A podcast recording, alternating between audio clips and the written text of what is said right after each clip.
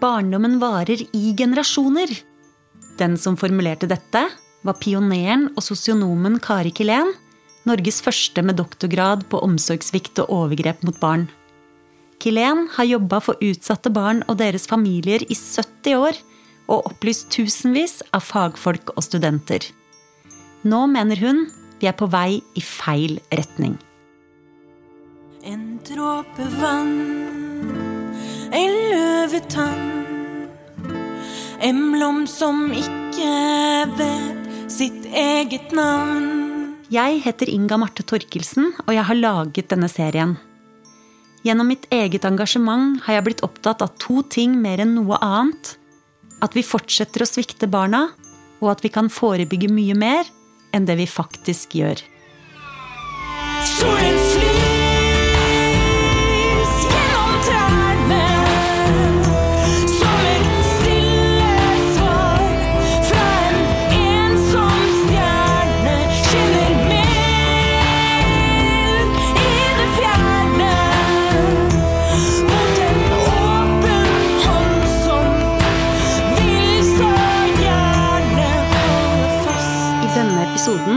Fortsetter jeg å intervjue ulike forskere og fagfolk om den kunnskapen vi har, men som ikke anvendes i praksis.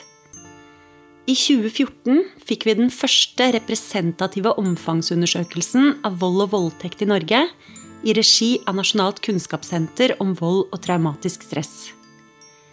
Voksne nordmenn ble spurt om deres erfaringer med dette i barndommen, og resultatene var oppsiktsvekkende. 10% av kvinnene og 6% av mennene fortalte at de hadde vært utsatt for mellom to og fem typer av alvorlig vold og seksuelle overgrep i sin barndom. Mange flere hadde opplevd bare én type. Samtidig vet vi at tallene er forsiktige anslag, siden grupper som vanligvis er overrepresentert, var utelatt fra undersøkelsen. En av dem som i mange år har interessert seg for de helsemessige og sosiale konsekvensene, og som systematisk har samlet kunnskapen vi har, er lege og professor Anna Louise Kirkengen. Gjennom boka 'Hvordan krenkede barn blir syke voksne', som første gang ble utgitt i 2005, brakte hun den banebrytende og anerkjente amerikanske ACE-studien fram for et større norsk publikum. Den viste at jo flere typer vold og overgrep man er utsatt for i barndommen, jo større blir konsekvensene. Det som ACE-studien allerede i 1998 kunne stadfeste, det var at blant de sykdommene som man kunne statistisk beregne risikoen for, var det kreft, hjerte-karsykdommer, kroniske lungesykdommer og diabetes. Og de regnes jo som de mest utbredte dødsårsaker blant alle voksenbefolkninger i alle vestlige land, i hvert fall. Altså ikke-smittsomme sykdommer, ikke sant? kroniske sykdommer, de står i et direkte dose-respons-forhold til belastende barndomserfaringer. Og det har vi nå visst siden 1998. I mellomtiden har vi skjønt hvordan denne oversettelsen fra erfaring til sykdom skjer. Og derved vet vi indirekte også hvordan den kan forhindres. Oversettelsen er ingen naturlov. De opprinnelige erfaringene som har gjort personen utrygg i tilværelsen, har sin sykegjørende kraft i form av fortielse, taushet, hemmelighold, og at det er skambelagt, at det er skyldbelagt, og at vi ikke har måter i, i behandlingssystemet som passer, som er adekvat, som samstemmer med hva som egentlig trengs. Verdens helseorganisasjon slo fast i 2012 at omsorgssvikt og vold forårsaker stress som er assosiert med skader i tidlig hjerneutvikling.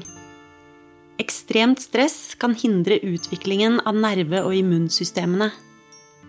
Som en konsekvens av dette har omsorgssviktede barn en økt risiko for å utvikle atferdsmessige, fysiske og psykiske helseproblemer i voksen alder.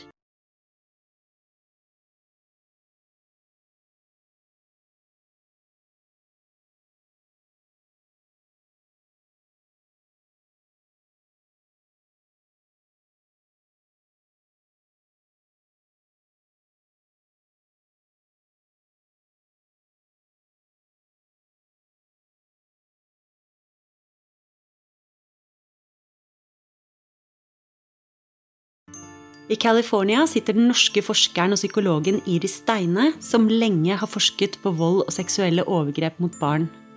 Hun sier Effektstørrelsen, eller styrken på sammenhengen mellom alvorlige barndomstraume og senere helseproblemer, tilsvarer effektstørrelsen som man finner i sammenhengen mellom røyking og lungekreft. Hun fortsetter. Traumatiske opplevelser i barndommen er en så veletablert risikofaktor for helseproblemer at det bør være helt standard å kartlegge, både i svangerskapsomsorgen og i helsevesenet generelt. På lik linje med at en spør om pasienter røyker, f.eks., for, eksempel, for da en vet at det er en risikofaktor for helseproblemer. At vi ikke gjør mer, handler ikke om mangel på kunnskap. Nylig kom Steine og hennes amerikanske kolleger med viktig forskning på stresshormoner i svangerskapet, satt i sammenheng med volds- og overgrepserfaringer i barndommen. Vi skal komme tilbake til dette på slutten av episoden. Jeg spør Anna Louise Kirkengen om dagens medisinstudenter lærer om sammenhengene mellom krenkelser i barndommen og utvikling av helseproblemer gjennom livet. Hun svarer Medisinstudenter lærer veldig mye om den biologiske kroppen, eh, helt til molekylærnivå, helt til de minste, minste, minste fragmentene. Men eh, medisinstudenter lærer veldig lite om sammenhengene eh, generelt, om sammenhenger, og veldig lite om hvordan sosialt og relasjonelt liv gir utslag i den kroppslige tilværelsen. Konsekvensen av dette er både forsømmelser og feilbehandling, forteller hun. Som lege har hun bidratt til feilbehandling. Kunnskapen om hva krenkelser og vold fører til for helsa, var i mange år lite kjent, og fraværende i hennes spesialisering som allmennlege. I boka 'Hvordan krenkede barn blir syke voksne' skriver hun at hun kunne ha reddet liv dersom hun hadde visst det hun vet i dag, den gangen hun tok imot pasienter på vestkanten i Oslo. Alle typer erfaringer kan påvirke vår fysiologi. Det hadde jeg aldri hørt. Det hadde, jeg, hadde ingen uh, av mine forelesere fortalt meg. Og det jeg ikke visste, var i hvilken grad uh, de kvinner som uh, oppsøkte meg som lege, jo var preget av erfaringer som de verken hadde snakket om, eller som de Eh, selv satte i en relasjon til sine nåværende plager, og jeg i hvert fall ikke. Og det vil altså si, i tilbakeblikk så vet jeg at jeg bidro til feilbehandling av veldig mange mennesker, fordi jeg sendte dem til en type spesialistbehandling, eller til typer spesialistbehandlinger, som inkluderte f.eks. operasjoner, for jeg var sikker på at det var det som skulle til at jeg f.eks. også var med på å behandle pasienter i forløp eh, for kreftsykdom og etterbehandling etter kreftsykdom med de komplikasjoner som øh, oppsto, altså eh, f.eks. kronisk smerte i operasjonsområdet, uten at jeg kunne bruke den kunnskapen som begynte å komme på det tidspunktet, nemlig at hvis det var kvinner som hadde sterkt belastende erfaringer, så var det mye mer sannsynlig at deres kreftutvikling var mer aggressiv, og at deres smertebilder var mer sammensatt, eller at de var, hadde en høyere risiko for å få kronisk smerte etterpå, eller kronisk tretthet etterpå. Uten å forstå det fulle bildet kan man heller ikke gi god behandling, sier hun. Eh, og det vil altså si at man undervurderer en farekilde, man undervurderer en sykdomskilde. Eh, man feilvurderer et symptombilde, misforstår eh, årsak-virkningssammenheng. Man starter behandling ut fra feilaktige premisser. Og derved har man altså valgt et utgangspunkt som kan føre til eller med ganske stor sannsynlighet fører til feilbehandling. Noe man ikke har forstått, kan man med liten sannsynlighet lege. Hun gir et eksempel. Så det å behandle symptomene ville bety at f.eks. en pasient som jeg da møtte, som hadde smerter i halve kroppen, og av og til også har opplevd lammelser i bare én kroppsside Hvis jeg ikke på et eller annet tidspunkt hadde skjønt at det var forbundet med en overgrepshistorie hvor den ene siden av kroppen var mer utsatt fordi den var nærmere overgriperen. Eh, så hadde jeg ikke skjønt hvorfor dette asymmetriske bildet, kliniske bildet, var logisk i samsvar med hva denne personen hadde erfart. Så da å gå inn i denne erfaringshistorien er jo da både forløsende for den personen som selv skjønner at der er kilden, men også for behandleren som skjønner at det må det arbeides med hvis det virkelig går an å hjelpe det mennesket å frigjøre seg. Hun sier at erfaringene kan endre og forstyrre fysiologiske prosesser. Hun kaller det innskrifter i vår fysiologi. Innskrifter i vår fysiologi, ja, det er faktisk så konkret som det er at erfaringer forskyver, forandrer, forstyrrer fysiologiske prosesser i feilaktig retning når det er snakk om langvarig overbelastning, langvarig stress, langvarig skyld, langvarig skam.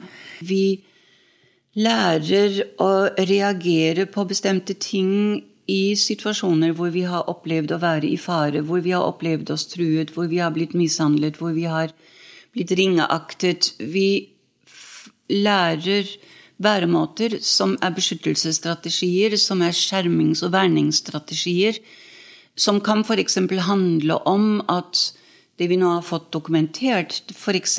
at verbal trakassering av barn over tid påvirker disse barns hørselsbaner. Altså Barn beskytter seg ved at de faktisk hører dårligere.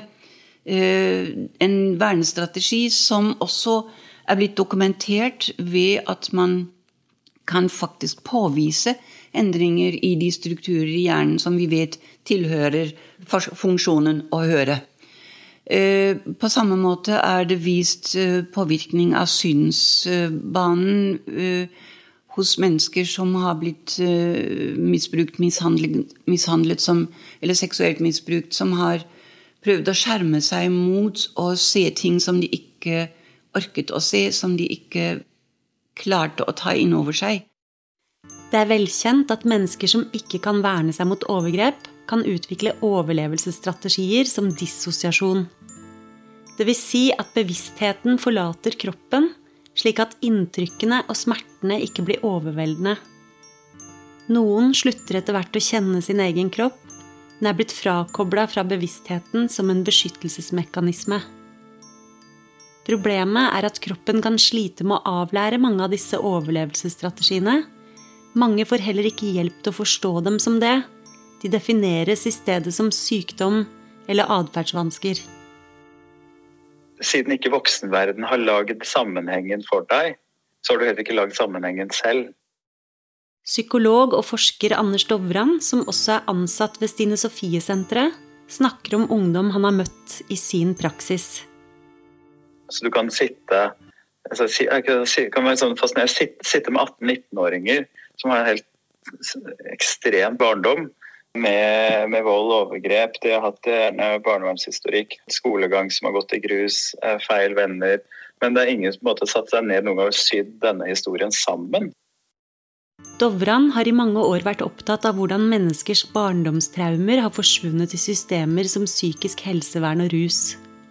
Han tok doktorgraden sin på dette, og fant at barndomstraumer som overgrep og omsorgssvikt var svært vanlig blant pasientene. Ofte hadde de veldig mange slike erfaringer, men uten at noen hadde satt dem i sammenheng med problemene de slet med. Så får du denne gutten har ADHD, ikke sant? det er vel ofte det som kommer. Og så viser det seg når jeg begynner å kartlegge hva du har opplevd, ikke sant? og setter navn på det, anerkjenner ikke sant? og så jobber med det, kartlegger posttraumatiske stressreaksjoner når vi finner, finner, ut at det er, egentlig, det er PTSD du har, ikke ADHD, så det vi kan faktisk si til deg, er at da har du en hjerne som fungerer akkurat som den skal. Fordi når man opplever det du har opplevd, så er dette de reaksjonene friske hjerner Sånn reagerer friske hjerner. Da reagerer de med å prøve å ikke snakke om det. Du får plutselig invaderende tanker, bilder. Så, så sånn sett så friskmelder jeg, men innenfor sykdomsmodellen, da, egentlig. ikke sant? PTSD er jo også en diagnose. Vi, vi får jo veldig mye utredning av hyperaktivitet og oppmerksomhetssvikt, for det er det som viser seg på skolen. Dette er overlevere, sier Dobran. Det er det jeg syns er så fint å jobbe, jobbe med det fortsatt klinisk. Jeg tenker at noe av det, det, det å jobbe med, med å, øh, altså, På engelsk så sier du 'survivors'. Det er jo på en måte et fint ord. Eh, overlevere, ikke sant. Eh, kanskje bedre enn offer. Jeg syns det er mer en sånn eh, Jeg liker det ordet, for det, det er noe med det, Du jobber jo med motstandskraft. Du jobber jo med de som ikke sant? Eh, De har ikke knekt, de har bøyd av, og de har fått um, sår. og ikke sant? Dagfinn Vinje, som er veilederen min, snakket jo om han snakker jo om dette som etseskader. ikke sant? At det er ting som brenner seg inn i sjela, holdt jeg på å si, som, som blir værende. Det er et hukommelsesproblem, mye. Og selvfølgelig gir masse med flere mer kompliserte konsekvenser. og Spesielt når det er snakk om vold og overgrep og utsatt av de nærmeste de som skulle være trygge i tillegg. da. Anders Dobran er sentral når Stine Sofie-senteret i samarbeid med Folkehelseinstituttet nå rekrutterer barn for å følge dem gjennom de neste 20-30 åra. De skal se på barnas helse, relasjoner, lærevansker, beskyttelsesmekanismer og mye annet. Med dette tar Folkehelseinstituttet for alvor steget inn i barndomstraumefeltet. Forskningen kan bli banebrytende. Mye vet vi imidlertid fra før. Vi vet nå at antall og type overgrep har det vi kan kalle kumulative konsekvenser. Det vil si at dersom du utsettes for flere former eller typer for overgrep eller vold og omsorgssvikt, så viser det at du får en sånn doserespons. Altså at eh, Opplever du ett barndomstraume, så får du disse konsekvensene, men opplever du tre, så får du enda flere av disse negative konsekvensene. Min doktorgradsprosjekt gikk ut på å se på psykiske helseutfordringer relatert til hva de hadde med seg. Og Der fant vi nettopp denne eh, ett traume, eh, deprimert. Fem traumer, veldig mye mer. I forskningen sin hadde Dovran 1000 respondenter. Mennesker fra barnevern, rus, psykiatri, fengsel osv. Å bli utsatt tidlig gjør deg sårbar, sier han. En ting er jo kartla eh, lese- og skrivevansker og forankra eh, det i barne- og ungdomsalder, men vi spurte også om de seinere i livet hadde vært utsatt for voldtekt, psykisk mishandling, om de hadde mistet noen tapsopplevelser. Vi har masse data på det, og vi finner også den kumulative effekten der med at jo, jo mer, eh, mer vold og overgrep i barndommen, jo høyere sannsynlighet så rapporterer de også da for senere voldtekt, senere psykisk mishandling, fysisk mishandling. Altså Du kan bare fortsette, egentlig. Det at du blir utsatt tidlig, det setter deg i en veldig sårbar situasjon på veldig mange områder i livet, og kanskje områder vi burde være mye mer oppmerksom Noe av det som gjorde størst inntrykk, var i hvor stor grad alvorlige problemer har en tendens til å hope seg opp gjennom livet. Vi spurte om de opplevde seg ensomme. Og så spurte vi også sånn, opplevde du dette på barneskolen og ungdomsskolen, så vi ikke liksom forankret i tid også. Så vi hadde jo både da spørsmål om barndom, spørsmål om barne- og ungdomsskole. Og så har vi også spurt om voldtekt og andre typer opplevelser. Reviktimisering, som vi kaller det da.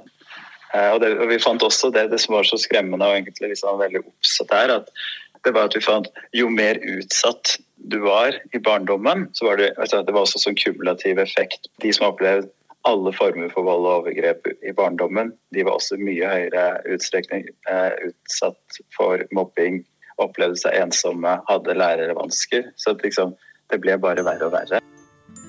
På Nasjonalt kunnskapssenter om vold og traumatisk stress sitter forsker Carolina Øverlien.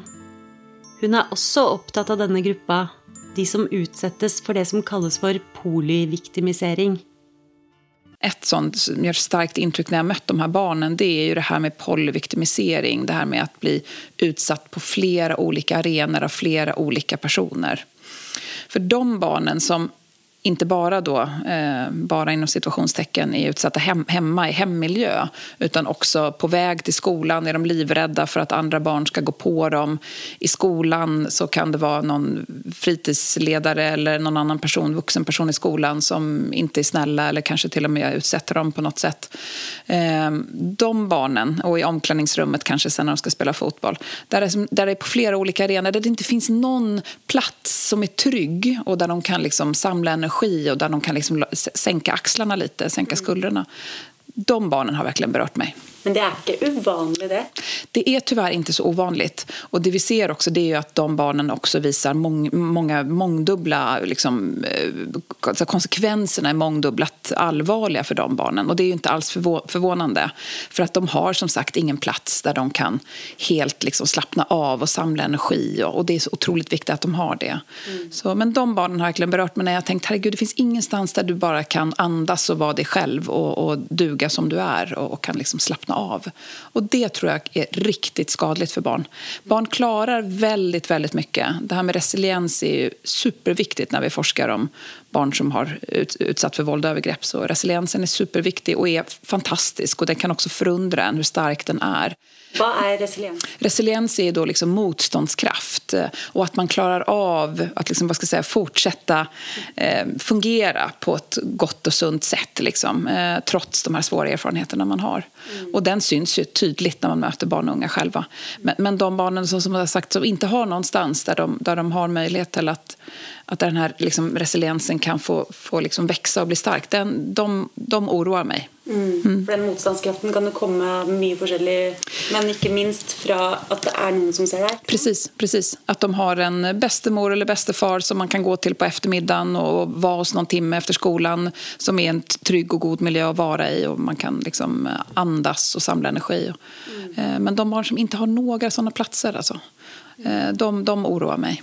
Og dere kom jo med forskning gjennom den såkalte UEVO-studien i 2019 mm. mm. Eh, som viste at ett av seks barn mm. mellom 12 og 16 år mm. faktisk ikke har noen å gå til med ting mm. som de strever med. Mm. Ja visst. Så det er oroende. Virkelig. Undersøkelsen vi snakker om, kalt UEVO, var den første norske representative undersøkelsen der barn selv ble spurt om deres erfaringer med vold og seksuelle overgrep, og ble gjennomført i 2019. Også denne undersøkelsen vakte oppsikt.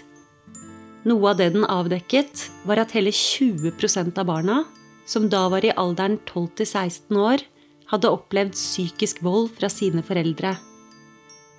Psykisk vold var definert som gjentatte erfaringer med f.eks. latterliggjøring, neddrakking, trusler om å bli forlatt osv. Kari Kilén har lenge vært opptatt av at psykisk vold eller det hun gjerne kaller psykiske overgrep, har en tendens til å bli bagatellisert eller gå helt under radaren, også i hjelpeapparatet. Det er utrolig hvordan psykiske overgrep på en måte har blitt lagt litt til side. Vi har vært opptatt av fysisk vold, seksuell vold, eh, overgrep overfor barn. Det er liksom her vår oppmerksomhet har gått de senere årene. Eh, og relativt lite i forhold til, eh, forhold til disse psykiske eh, overgrepene, som kanskje er de mest utbredte. Men hvordan setter volden seg, og den, de psykiske overgrepene, hvordan setter de seg i barn? Angst. Angst i alle avskygninger, hadde jeg nær sagt, og ulike styrker, som jo hemmer deres utvikling på veld, veldig mange måter. Jeg mener, Angst er vel ikke noe som begrenser barns utvikling eh, mer enn å leve med en kronisk angst.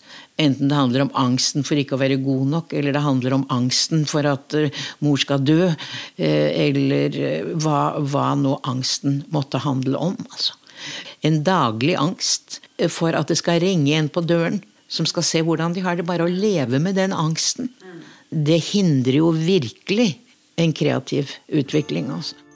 Kari Kilén er opptatt av at psykiske overgrep er noe mer enn den direkte utskjellingen, neddrakkingen, latterliggjøringen og truslene barn kan utsettes for.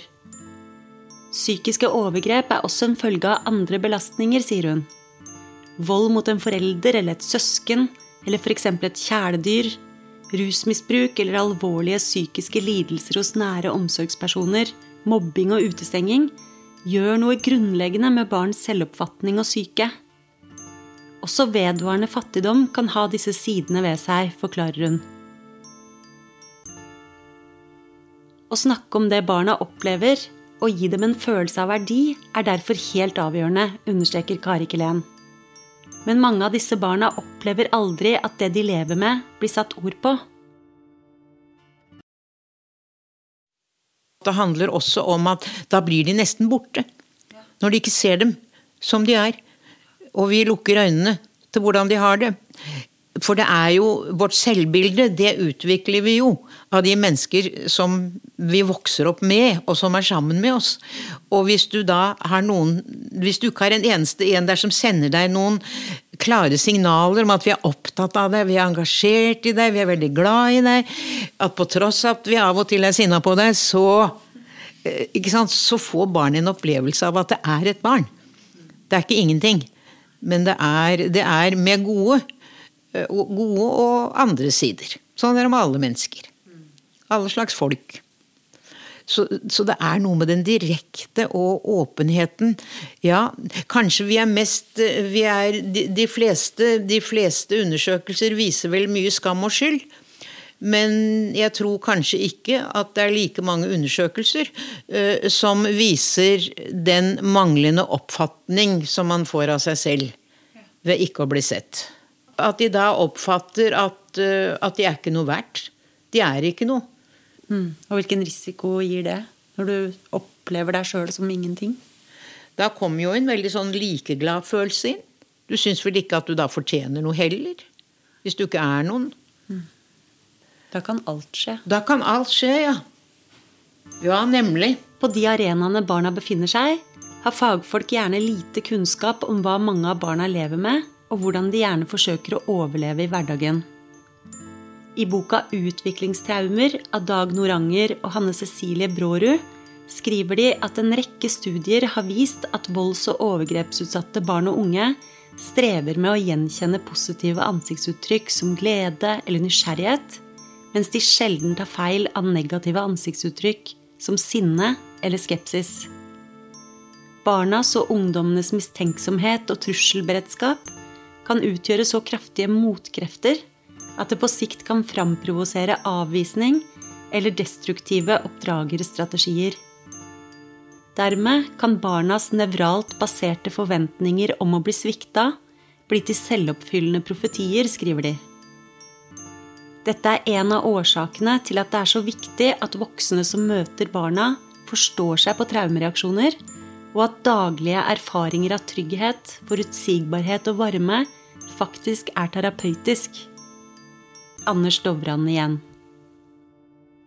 I det utvalget vi har, da, med disse tusen som, som på, på ulike måter enten var i fosterhjem eller hadde havnet i psykisk helsevern, hadde rusproblemer eller var innsatt. Altså, disse var egentlig veldig synlige. Skolen blir veldig viktig. Altså, det er jo der barna de, de er der fra de er 6 til de er 18. Det er 12 år. Det er en kjempearena for å forebygge, avdekke, ivareta. Carolina Øverlien hos Nasjonalt kunnskapssenter om vold og traumatisk stress påpeker at barna sjelden forteller direkte om det de lever med, til profesjonelle fagfolk. I Uevo-undersøkelsen fortalte 20% av barna mellom 12 og 16 år at de allerede hadde vært utsatt for mer enn én form for vold og seksuelle overgrep. Hele fire av fem hadde aldri fortalt om det til noen profesjonelle hjelpere. Nei, men altså, det vi ser er jo, Når vi frågar unga selv hvem de vender seg til, så vender de seg ikke til oss voksne. Og faktisk, i allra minst grad vender de seg til profesjonelle og forteller om det her. Altså, og profesjonelle, altså de som har melleplikt tenker jeg på da framförallt. Eh, Just de grupperna vänder sig barn och unga minst till. Vi har en artikel som vi kommer ut snart med om fokus på skola og och kärstevåld i skolmiljö. Då. Och då är det faktiskt bara så många som 1-3 procent av de ungdomarna i den studien har förtalt någon i skolmiljö, alltså en vuxen i skolmiljö, om det som sker. Nästan inga alltså. Otroligt. Så tyvärr, när det kommer till det här, och jag, det här är också något som upprör. När jag nämner det här ute, när jag, så alltid lärare kommer fram till mig och säger det kan inte stämma, det kan inte vara rätt. Jag pratar med så många om det här och du vet, superengagerade lärare. Och det är klart att de finns och det är klart att det finns unga som vänder sig. Men om vi tittar på, på liksom en populations, en större grupp så, då är det faktiskt så att det är ytterst få unga som går till skolpersonal med svårigheter som har med eh, relationer och, och vold å gjøre. I forrige episode snakka vi mer om hva dette kan skyldes. Anna Louise Kirkengen er opptatt av konsekvensene det får når verken utsatte barn eller voksne som ble krenka i barndommen sin, blir møtt med kunnskap og forståelse fra samfunnet. det trengs andres aksept og andres anerkjennelse for å kunne lette denne byrden, og for å kunne finne en vei til å gjøre den håndterlig. Altså, man kan jo ikke glemme det. Man kan ikke, man kan ikke regne med å, å legge ting bak seg, som det ofte sies. Altså, de er, alt vi har opplevd, er jo i oss vedvarende. Heldigvis er vi på vei mot stadig større forståelse, sier Kirkeengen. Nå har samfunnet sluttet å benekte at det skjer, og det er jo også fordi vi har tall som er simpelthen ikke mulig å ignorere. Eh, og, og derfra til å si hvordan skal dette nå tas inn i behandlingsfagene, i utdanningen i behandlingsfagene, skulle det ikke være så vanskelig, fordi kildene til denne kunnskapen er de samme som vi bruker i all annen behandling. ikke sant? Altså Kilden til å skjønne hva diabetes er, er den samme som å skjønne hvordan diabetes oppstår i, stress, i en stresset organisme. Mm. Fordi vi vet nå at eh, langvarig overbelastning, eh, kronisk stress, har, medfører en høy risiko for å utvikle diabetes 2. Hjerte-karsykdommer, kroniske lungesykdommer, kroniske leversykdommer, autoimmune sykdommer. Altså alle sykdommer som har som fellesnevner at kroppens immunsystem retter seg mot kroppen selv, eller mot seg selv. Altså kroppen angriper seg selv. Immunsystemet misforstår kroppslige substanser og går til angrep som om det var fremmed. Hun fortsetter. De rene kostnader i områder hvor dette nå er blitt beregnet, de skulle i seg selv være argumenter gode nok. Og de skulle også ankomme der hvor man ser bort fra det faglige, hvor man sier dette må andre forvalte. Altså Endokrinologi kan jeg ikke sette meg inn i, og det er helt greit. Ikke alle behøver å være spesialister på hormoner. Men hvis spesialistene på hormoner sier at det forstyrrer hos så mange mennesker så grunnleggende hormonelle funksjoner at det blir sykdom av det, som er veldig kostnadskrevende å behandle, ikke sant? som tar liv, som forkorter liv, som gjør folk arbeidsufør, som tar dem ut av skolen, ut av utdanningen, som velter deres livsprosjekter. Som gjør dem avhengig av andres hjelp og økonomisk innsats og samfunnets støtte. Så er det jo argumenter som går langt utover de snevre faglige grensene som vi så ofte lar være styrende. Hun forteller at en anerkjent forskergruppe i Wales nylig kom med en oversikt over kostnadene i europeiske land beregnet til andel av BNP. Den siste studien som jeg vet om, er publisert i september 2021. altså Den er ikke et år gammel ennå. Og de hadde innhentet data fra 28 europeiske land. De har anslått at for Norges vedkommende så er altså konsekvensen av uh, påvist forekomst av barndomsmishandling, vanskjøtsel og misbruk beregnbar til 3,7% av Norges bruttonasjonalprodukt. Jeg tror det var ingen av de 28 som har beregnet dette under 2,5, og det var noen som var opp mot nesten 5% Men altså, vi snakker om milliarder. Vi snakker om hundretalls milliarder. Og, og da basert på studier som vi stoler på, men som vi også vet har ikke fanget opp alt sammen. Det er sannsynligvis mer. Alle forskere sier dette. Alle er enige om at vi ikke har rene tall, altså i betydning de sanne tallene. Alle vet at dette materialet beror på det vi kaller underestimering. Altså at det er mer av dette der ute i befolkningen. Altså jeg, jeg kunne jo ønske at våre politikere lot seg påvirke om ikke annet så av disse tall, og tok i betraktning at hvis man bare tok en liten del av disse, la oss nå si 120 milliarder som dette eventuelt koster i 2022, og tok en liten andel av dette og skjøv det over til tiltak i samfunn, institusjoner i samfunn, som er nærmere barna, som er nærmere barnefamiliene. Altså f.eks. Uh, helsestasjoner, f.eks all omsorg for småbarnsfamilier. Svangerskapsomsorg, alle omstendigheter rundt omkring.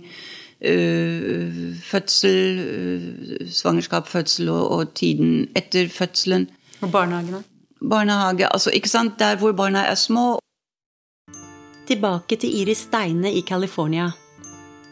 Hun kan gi flere argumenter for hvorfor man bør gjøre som Kirkeengen sier.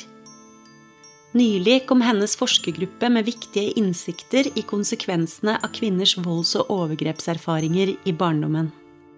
I denne studien så undersøkte vi om stressende og traumatiske hendelser i barndommen, i voksen alder og i løpet av svangerskapet hang sammen med nivået av et stresshormon som kroppen produserer ekstra masse av i svangerskapet. Og dette undersøkte vi i et utvalg av 1300 gravide kvinner i USA. Vi fant at traumatiske hendelser i barndommen, spesifikt å ha blitt utsatt for vold eller seksuelle overgrep, var knyttet til et høyere nivå av dette stresshormonet. I motsetning så var ikke hendelser som skjedde i voksen alder eller i løpet av svangerskapet, knyttet til nivået av dette stresshormonet. Så denne sammenhengen fant vi altså spesifikt for traumatisk stress som hadde skjedd i barndommen. Så selv ikke kvinner som f.eks. hadde opplevd en krig i voksen alder, hadde de samme endringene eh, under svangerskapet som det dere fant hos de som hadde opplevd vold i barndommen sin? Det er riktig. Vi fant at det er vold og overgrep i barndommen som ser ut til å kunne omgjøres til disse fysiologiske endringene under svangerskapet. På en måte som kan ha negative konsekvenser for både mor og barn. Fra før av så vet vi at høyere nivå av dette stresshormonet er knyttet til alt fra svangerskapsforgiftning, for tidlig fødsel, fødselsdepresjon, til lavere fødselsvekt hos barnet. Og til høyere nivå av stress og frykt og angst hos barnet i spedbarnsalderen. Så det er knytta til negative konsekvenser hos både mor og barn. Altså, jeg husker ingenting fra det året som har vært nå. Jeg ser på bilder, så er det sånn som å se på noen annen sitt liv. Og jeg forstår ikke hvordan jeg har fått oss gjennom det. da. I en leilighet i Oslo sitter en kvinne med sin ett år gamle sønn.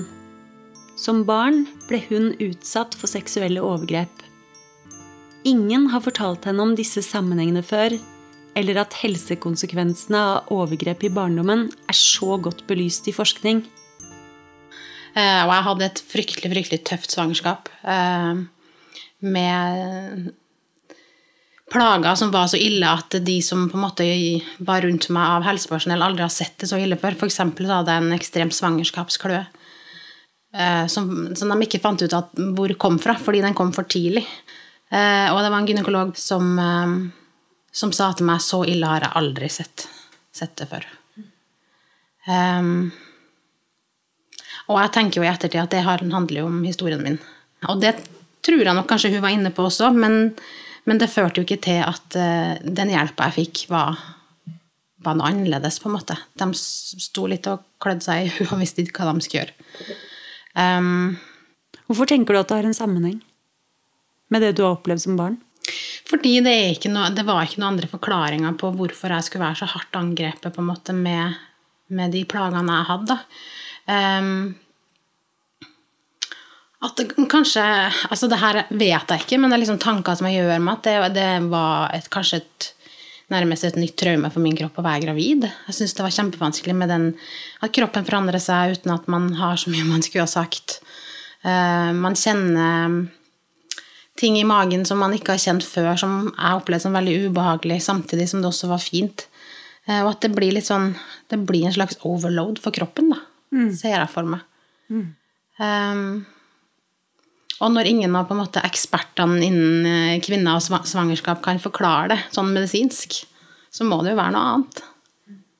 Um, og det ble jo flere ganger bekrefta, og jeg hadde mye smerter også når jeg var gravid, og ble sykemeldt fordi de var redd at jeg skulle gå i fødsel. Fødte du for tidlig? Eh, tre uker for tidlig. Han meldte jo sin ankomst første gang i uke 24. Og så klarte de, takk og lov, å stoppe det. Eh, og så ble jeg sykemeldt. Eh, for de var redd for at det skulle skje noe. Da. Og jeg var i kjempedårlig form. Eh, og så kom hun tre uker før, før tida. De ble liggende i mange dager på sykehuset, forteller hun. Etterpå fikk hun en fødselsdepresjon. Jeg husker jeg, var hos min altså vikarierende fastlege, da. Eh, og nevnte at jeg har fått påvist fødselsdepresjon. Og så var det bare liksom Følte bare liksom at han nesten sa ja, ok, da noterer jeg det, på en måte. Eh, og når jeg gikk ut derfra, så tenkte jeg hvorfor i all verden spurte meg ikke om hvordan, hvordan det påvirker meg? Hvordan, hvordan det vises hos meg, da. Nettopp på grunn av barnet mitt. Um, og da jeg, jeg kjente jeg ble skikkelig lei meg egentlig når jeg gikk ut derfra og kom hjem og bare Men bryr du deg ikke om sønnen min? Vi vet hvordan det her kan påvirke meg, og så han. Og så blir det aldri spurt om. Og en, en redd for å tråkke meg på tærne, for å mistenkeliggjøre meg. At jeg ikke er noe god nok mamma, eller Men da må jo han ta ansvar for måten han legger det frem på. Og det må jeg tåle. For, for å ivareta barnet mitt. Den må jeg stå i. Det er mitt ansvar, liksom. Og så lenge han, det blir spurt på en respektfull måte, så tåler man jo det. For da handla det om å ta vare på sønnen min, liksom. Når jeg forteller henne at vi nå har mye kunnskap om sammenhengene mellom overgrep og f.eks. fødselsdepresjon, for tidlig fødsel og plager hos barnet, sier hun. Du sier at eh, man har det, men jeg har ingen bevis utover det du sier, på at, folk, at vi har kunnskapen. For det er ingenting i den hjelpa som jeg har fått, som tyder på det. Jeg har spurt sjøl om kan det her ha med min historie å gjøre, at jeg opplever det her annerledes, at jeg opplever det mer smertefullt fordi jeg har den historien jeg har. Og ja, det kunne det ha. Og så stoppa det liksom der. Hvorfor det, tror du? Jeg tror ikke Jeg tror ikke de vet hva de skal gjøre. Også barnet hennes har vært tydelig prega, kanskje som følge av stresshormonene som Iris Steine fortalte om. Han har sovet dårlig, noe som har vært en ekstra belastning dette første året. Jeg spør hva det gjør med henne å oppleve at de ikke har blitt bedre ivaretatt. Hadde du spurt meg for noen år siden, så hadde jeg svart at eh, ja, nei, jeg fortjener ikke noe bedre. Men eh, nå så tenker jeg jo, fy fader, jeg fortjener Vi har kunnskapen, jeg fortjener å bli behandla sånn som er, på den måten som er best, på en måte. Og ikke minst barnet mitt. Um, og jeg kan kjenne på den et sinne og irritasjon, og det kjenner jeg godt å kjenne på. At jeg ikke bare Nei, nei, jeg er nå ikke verdt mer, jeg, da. For den følelsen er jeg godt kjent med. Hun avslutter. Hva er det som gjør at det her blir så vanskelig? For jeg tror Har du snakka om, sant, om røyking og, og lungekreft? lungekreft. Det er ryddig. Det er greit å forholde seg til. Men overgrep mot barn, det setter i gang noe helt annet i alle mennesker. Um, og da tror jeg det Da vil man ikke ta i det. Selv om man har en ny mulighet. Du, en, du får en gavepakke i fanget ditt. I de neste episodene skal vi snakke om hva som kan gjøres i praksis for å beskytte barn bedre, og for å hindre at disse vonde erfaringene fortsetter å gå i generasjoner. Vi skal gå i dybden på Kari Kilens kunnskap fra 70 års klinisk praksis, forskning og undervisning. Vi trenger kunnskap til å se og forstå, sier Kari Kilen. Og mot til å handle.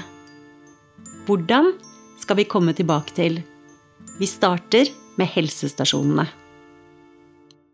Fra jeg lå i magen ble jeg utsatt for vold. Ingen spurte mamma om hvordan hun hadde det. Ingen gjorde noe. Jeg måtte gjøre det selv som ungdom, men da hadde volden pågått i årevis. Nå er jeg selv blitt mamma, men fortsatt er det ingen som spør. Vi kan ikke ha det sånn, og jeg vil at du skal være med på forandringen. Takk for at du lytter. Du kan gjøre en forskjell. For mange år siden, før jeg var trygg og hadde kunnskap, så avdekka jeg lite. Jeg spurte heller ikke direkte. Nå har jeg kunnskap. Nå spør jeg direkte. Jeg normaliserer, og de gravide forstår hvorfor jeg spør, og hva man gjør med svaret. Jordmorkontoret mitt er avskamma, og tabuer er jaga bort. Og nå kommer de historiene som perler på en snor. Vi må spørre for å kunne skape endring og trygghet til den gravide. Vår rolle som jordmødre er så innmari mye mer enn at vi skal bistå under lykkelige omstendigheter når et nytt liv er på vei. Enten det er i svangerskapet, fødsel og barseltid. Vi må ha på de brillene som kan se det du ikke vil tro skjer. Vi må vite hvordan vi spør og hva vi gjør når vi får svar og avdekker. Det kan skape en endring for et nytt liv. Ja, det kan til og med redde liv. Det er lykke som jordmor, det.